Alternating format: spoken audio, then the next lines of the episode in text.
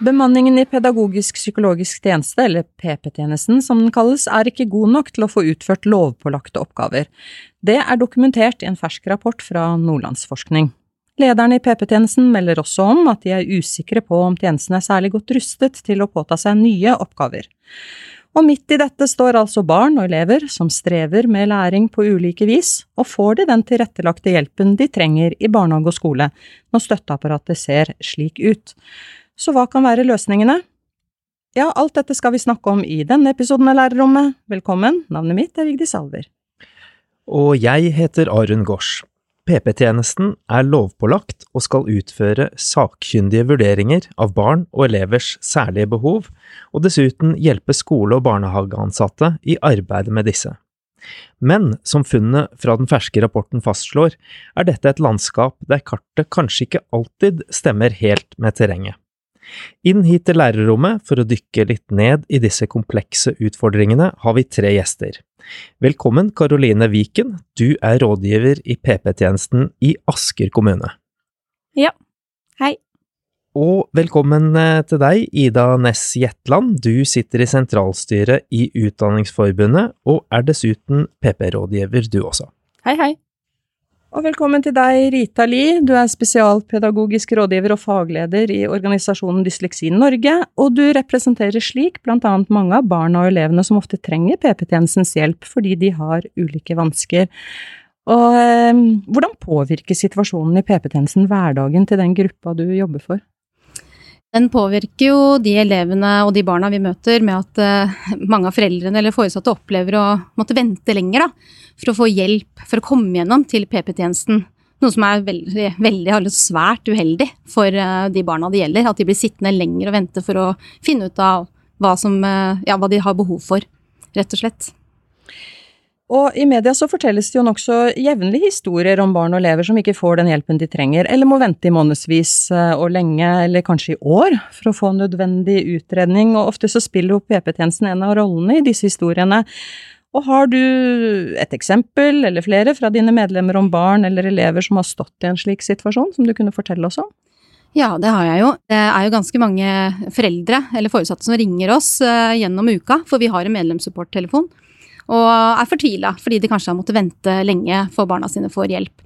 Eh, det er jo ikke så lenge siden en mor ringte meg som hadde to barn, eh, da tredje og femte eller sjetteklassing.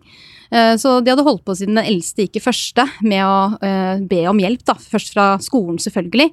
Og så hadde skolen også da diskutert i sitt ressursteam, men så har de da fått beskjed om at de må vente. Og når de endelig da kommer gjennom og PP-tjenesten sier at her skal vi gå inn og gjøre en sakkyndig vurdering, så er det også ny ventetid. Og det er eh, flere av de henvendelsene vi får. Og det som er veldig bekymringsfullt når det gjelder dette, er jo da f.eks. eldstemann her utvikler jo da mye magevondt, mye hodepine, ønsker ikke å gå på skolen, lav selvfølelse. Og yngstejenta også begynner jo å utvikle disse symptomene når du må vente helt til sjette, sjuende trinn for å få hjelp, eller få vite om det er noe som gjør at jeg, ikke, eller at jeg strever med å lese og skrive det er for lenge, rett og slett. Ja, ja, eh, Konsekvensene du forteller om her er jo alvorlige, og det er kanskje flere konsekvenser også. Hvilke råd kan dere gi til foresatte i slike situasjoner? Nei, Det første er at vi må hjelpe eh, foreldre eller foresatte å, å dempe liksom, eh, stressnivået. For det, her øker et stort stress hjemme. De føler seg veldig misforstått. De føler seg jo altså, ikke sett foreldrene. Så det blir ganske altså, ofte en konflikt mellom hjem og skole, f.eks., eller, mis, eh, eller at de mistror at det, eh, noen stoler på det de sier. Så vi hjelper til først og fremst å få dempa det. Og så gir vi det råd at de faktisk ikke må gi seg, eh, for det viser jo forskning også. At de foreldrene som står på og gjentar og gjentar, eller henvender seg til PP-tjenesten sjøl, for det kan man jo gjøre, det er de som kommer gjennom. Og det er de barna som faktisk får hjelp. Du er jo også mor til Daniel, han er nå ja. blitt voksen. Mm. Men han trengte jo også hjelp fra PP-tjenesten for noen år siden for at hans skolehverdag eh, skulle tilpasses. Så du vet jo hvordan det er å være mor og foreldre og stå i dette, og kan du beskrive det? Ja, det kan jeg. Eh, når Daniel trengte hjelp, eh, vi var ganske tidlig på, både jeg og pappa Rune. Vi så jo at det var noe som Daniel strevde med med en gang han kom over i skolen.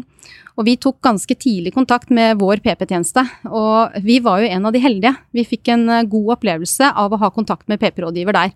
Vi fikk tidlig hjelp, han blei tidlig utreda faktisk. Eh, men det er ganske fortvilende, eh, for som mamma så blei jeg ganske stressa sjøl. Og følte at jeg måtte kjempe for at sønnen min skulle få rett på det han faktisk har rettigheter i forhold til opplæringsloven. Så jeg blei ganske sliten. Det blei jeg. Karoline Viken, vi skal eh, straks til deg. Du har ti års erfaring fra PP-tjenesten, og det fra fire ulike kommuner.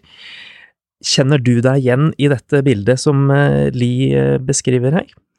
Jeg kjenner meg igjen at det er lang ventetid. Det er mange PP-tjenester som har ventelister, som i utgangspunktet ikke skal ha.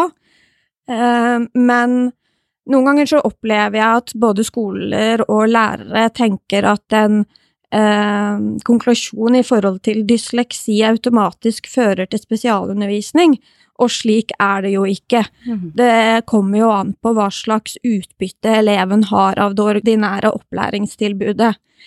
Og um, fra første til fjerde trinn så har jo skolen et ekstra ansvar for å sette inn tiltak i forhold til eh, grunnleggende lese- og skriveopplæring og matematikkopplæring. Så da settes det større krav til skolen.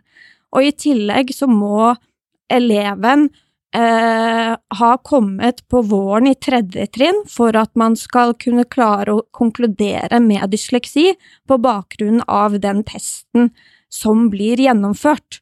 Eh, så det er eh, Du kan ikke få en dysleksidiagnose per nå hvordan systemet fungerer, på bakgrunn av eh, testene som man eh, gjennomfører. I tillegg så er det krav til at skolen skal prøve ut tiltak eh, og um, evaluere tiltakene før de henviser til PP-tjenesten. Men er det, er det, andre grupper enn uh, disse, disse, som Li representerer, altså dyslektikere? Er det andre grupper du vet om som, som uh, blir spesielt hardt rammet av situasjonen i uh, PP-tjenesten? Ja, altså de vi får flest henvisninger på, det er barn med reguleringsvansker. Det ser vi i større og større grad. Det betyr jo at du har vansker med å håndtere følelser, tanker og handlinger.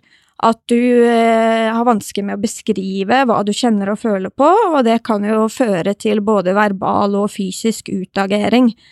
I tillegg så har vi store utfordringer i forhold til barn med bekymringsfullt skolefravær som er en veldig vanskelig problematikk og krever store ressurser fra, fra flere hjelpetjenester, og det ser vi jo en økning av etter korona. Kan du kort fortelle hvordan hverdagen din ser ut som rådgiver? Altså hvordan det er å jobbe med dette krysspresset, egentlig? Mm. Ja, altså jeg opplever jo mye kritikk fra politikere og fagfolk, blant annet Nordahl-rapporten, ikke sant, i forhold til hvordan vi jobber. Og det kan oppleves veldig frustrerende, fordi at ikke det alt stemmer med virkeligheten. Når du, du nevnte Nordahl-rapporten, kan du kort si hva det var for mm. noe? Det ble, ble jo satt ned en ekspertgruppe av regjeringen, som ble publisert i 2019, der de skulle vurdere eh, ja, kvaliteten på spesialundervisningen og organisering av PP-tjenesten. Og der ble det jo blant annet eh, anbefalt at man burde fjerne spesialundervisningen, og at man skulle omorganisere PP-tjenesten sånn at de kom nærmere skolen. Eh, men spesialundervisningen besto jo, da. Mm. Men min arbeidshverdag, den er veldig varierende, og du må holde mange baller i lufta på en gang og forholde deg til mye forskjellig problematikk. Eh, og det gjør at du må eh, utvikle deg faglig hele tiden. Og du stå, kan ofte stå i et krysspress mellom det du tenker er barnets beste, kontra det skolen har ressurser til å tilrettelegge for, da. Mm. Mange i skole og barnehage de har jo kjent på disse spenningene og utfordringene i PP-tjenesten en god stund, og det har jo PP-tjenesten eh, sjøl også. Og slik sett så bekrefter jo denne rapporten eh, fra Nordlandsforskning, som Utdanningsforbundet er oppdragsgiver for, det mange har visst om lenge. Og eh, Ida Næss Jetland, hvorfor har ikke dette blitt løst og lyttet til av myndighetene? Dette er jo ikke noe nye tall eller noen ny informasjon, det er jo flere rapporter som tidligere har dokumentert det samme, og det har kommet mange forslag til hvordan det skal løses, men, men det vi ser som ikke blir tatt nok tak i, det er jo bemanningen sin eh, betydning for den kapasiteten som tjenesten har, og den hjelpen og støtten som, eh, som PP-tjenesten kan gi til skoler og barnehager. Eh, sånn at eh, det har ikke vært mangel på at det har blitt dokumentert, men dette krever jo ressurser. Eh, og kommunebudsjettene er jo veldig presset, og her er det jo Vi ser jo også at, at ressursene som skoler og barnehager har til å å sette inn tiltak og til å ha den kompetansen og de folka som, som eh, barn og elever trenger, det påvirker også veldig den jobben som ansatte i PP-tjenesten får gjort. Sånn at, eh, at, vi er veldig avhengig av hverandre og har felles, eh, et felles mål og en felles kamp der mm. for, å, for, å, synliggjøre eh, hvor stor betydning eh, både kompetansen og bemanningen har for den kapasiteten og den de tjenestene som man faktisk eh, kan, eh, kan utføre.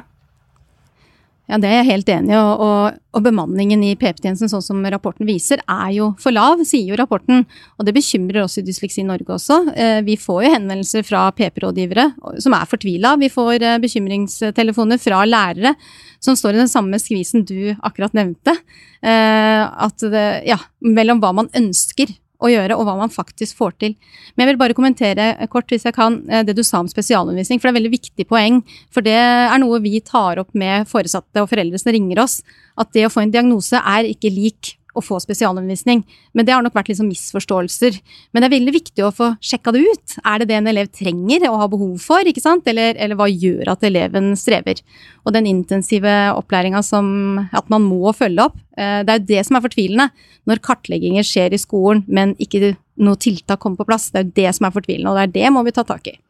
Ja, for en rådgiver i PP-tjenesten i kommunen skal jo hjelpe elever og barn som har behov for tilrettelegging og spesialundervisning, annet med å kartlegge og utrede en sakkyndig rapport, som skolene jo trenger for å lage en individuell opplæringsplan for dem som trenger det, som er utspringet for spesialundervisningen, så har vi oppklart det. Og er det disse lovpålagte kjerneoppgavene, eller hvilke andre oppgaver er det som er truet pga. bemanningssituasjonen i et land? Mm. Det er jo i en sånn presset eh, situasjon, så er det jo sånn at da er det jo de lovpålagte oppgavene som må prioriteres. Og da er det jo gjerne eh, de sakene man har streng saksbehandlingstid på, og som man blir målt på som tjeneste, eh, som må, må, prioriteres. Og da er det jo det sakkyndige arbeidet eh, som, som, kommer i, første, første prioritet. Og da er det jo eh, PP-tjenesten har jo et litt sånn tosidig mandat, at man både skal eh, gjøre, gjøre sakkyndige vurderinger for, eh, for enkeltbarn, men også så har man jo et viktig mandat knyttet til mer systemrettet arbeid med kompetanse- og organisasjonsutvikling, hjelpe skolene og barnehagene med det.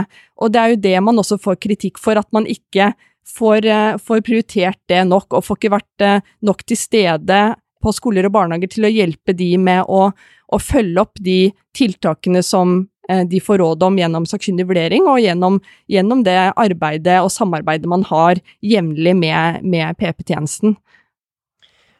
Karoline Viken, eh, Asker, der du jobber, er blant kommunene som opplever budsjettkutt og tøffe økonomiske tider. Det vil jo påvirke mange kommuner nå framover. Hva vil dette gjøre med jobben eh, deres framover, og hva hører du om fra andre i PP-tjenesten? Ja, vi står jo nettopp i en situasjon nå der det har eh, vært innstramminger i oppvekstsektoren, som vi er en del av, og vi har blitt kutta med én million. Um, og det har jo store konsekvenser for oss, fordi at vi, selv om vi er en stor tjeneste i PP-sammenheng, så eh, har det store konsekvenser. Og vi opplever det som veldig vanskelig, vi opplever at det blir satt lite fokus på. Og det er blant annet med bakgrunn i, tenker jeg, da, at vi ikke har en bemanningsnorm. For det er én ting å problematisere at ikke vi får flere folk, men en bemanningsnorm vil også kunne føre til at vi i hvert fall får beholde de folkene vi har. For i skolen er det en bemanningsnorm, I barnehagen er det det, så de kan ikke ta fra skolene, og da tar de fra PP-tjenesten istedenfor. Jeg hører jo også det når jeg møter tillitsvalgte og medlemmer i PP-tjenesten, at det er mange som opplever nedskjæringer og kutt i kommunene, eh, og som gjør da at man fortsatt ikke får oppfylt eh, de lovpålagte oppgavene og det mandatet som man faktisk eh, er gitt gjennom opplæringsloven og barnehageloven. Og det gjør jo at, at man ikke får, får gjort det arbeidet man er satt til å gjøre, og det går utover kvaliteten i arbeidet også, og hvor, hvor tidlig på man klarer å være til hjelp for, for barn og unge.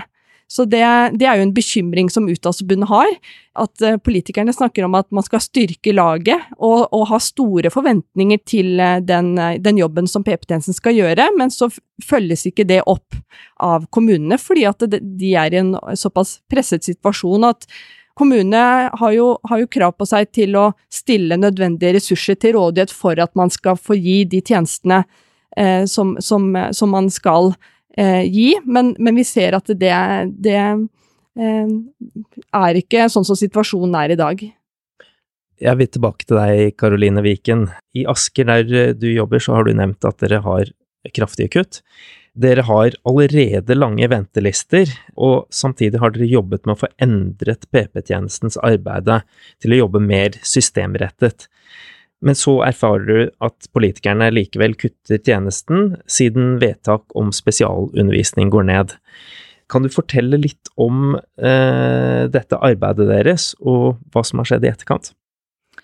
Ja, det er jo sånn at man endrer på rutiner i forhold til hvordan man tilrår spesialundervisning, og flere kommuner jobber jo nå for at eh, i forhold til assistent, at det skal gis innenfor tilpassa opplæring, men at hovedsakelig spesialundervisning skal gis av lærere. Og det fører jo til en betydelig nedgang i spesialundervisningsprosenten, og mm, kommunen brukte jo det som årsaksforklaring til at de kunne kutte, både hos oss og 2,5 millioner hos grunnskolen. Men vi har jo de samme elevene som skal ivaretas, og fordi at vi jobber med å øke kvaliteten på den tilpassa og ordinære opplæringen, så blir man straffet med at man blir tatt vekk penger, da. Det er jo heller ikke en lik eh, ressurssituasjon for PP-tjenesten over hele landet, og de, og de, eh, geografiske områdene som hvert kontor skal dekke, er jo også eh, ulik størrelse på. Og hvilke utslag gir dette, Ritali?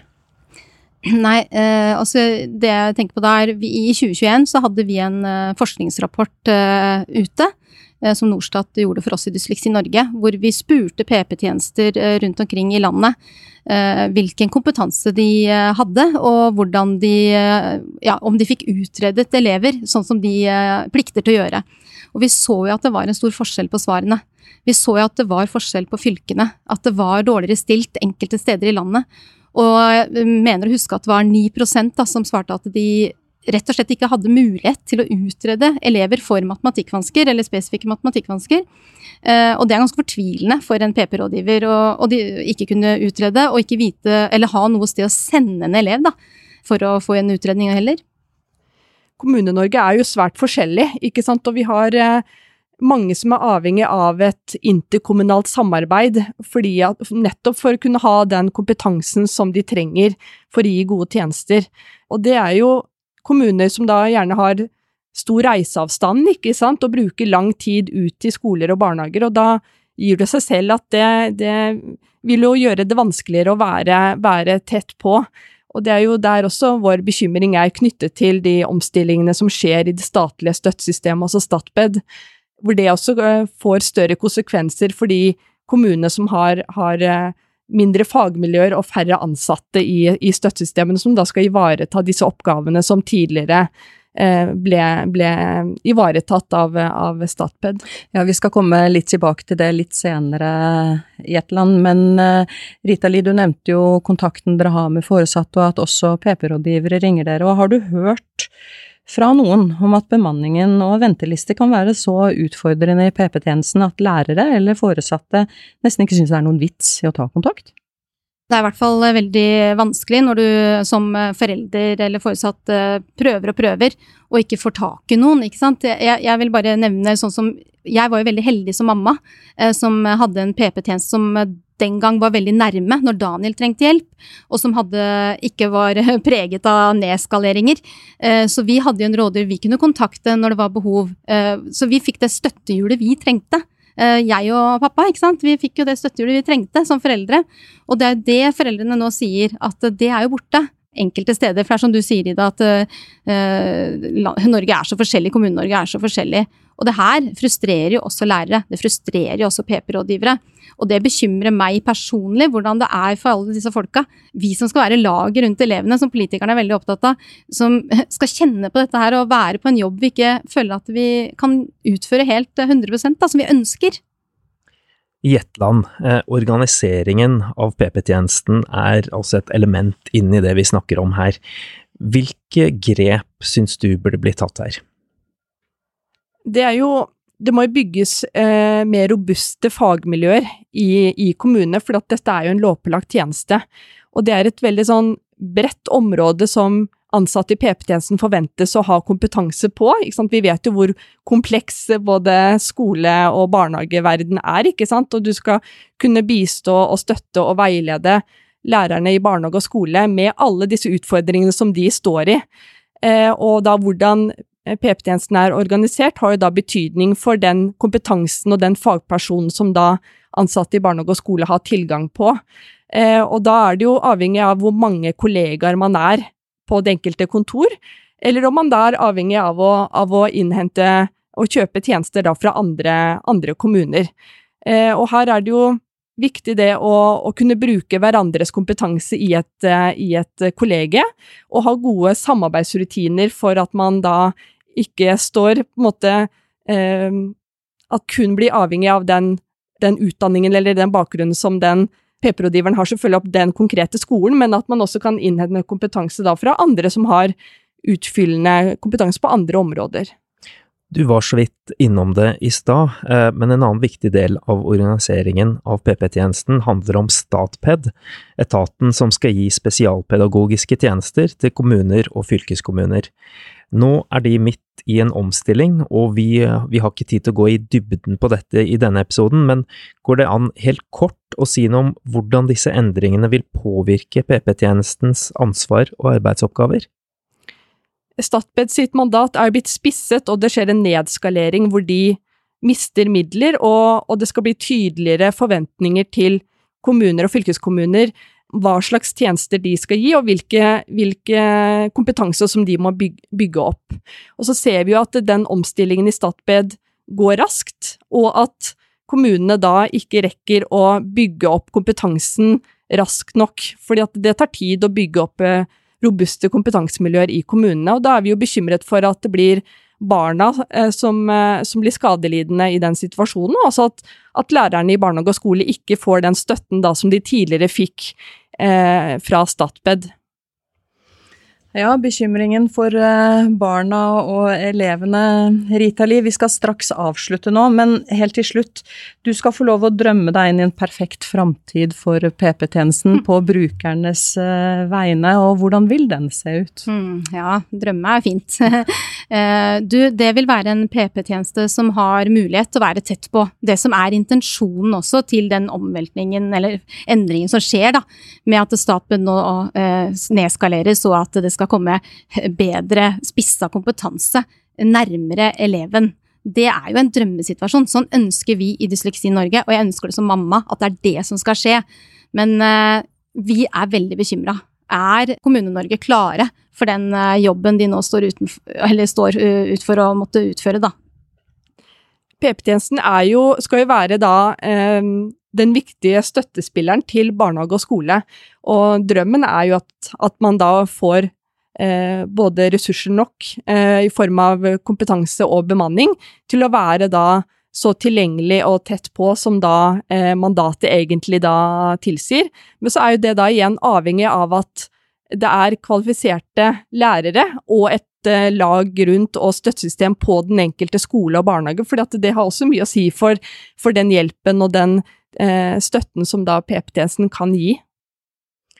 Og med det så sier vi takk til gjestene våre i denne episoden, Ida Næss Jetland, Karoline Viken og Rita Li. Og tusen takk til alle dere som hører på Lærerrommet. Husk at alle tidligere episoder finner du der du pleier å høre podkast, og del gjerne episodene videre. Ja, og om du vil høre mer om et tema som hører godt sammen med tematikken for denne episoden, så klikk deg fram til episode 29. Der er Daniel Lie gjest, som er din sønn eh, Rita Lie, og han forteller om sin skoletid med spesialundervisning. Men vi er også snart tilbake med en rykende fersk episode hentet fra utdanningsfeltet. Inntil da sier vi ha det bra. Ha det. Ha det.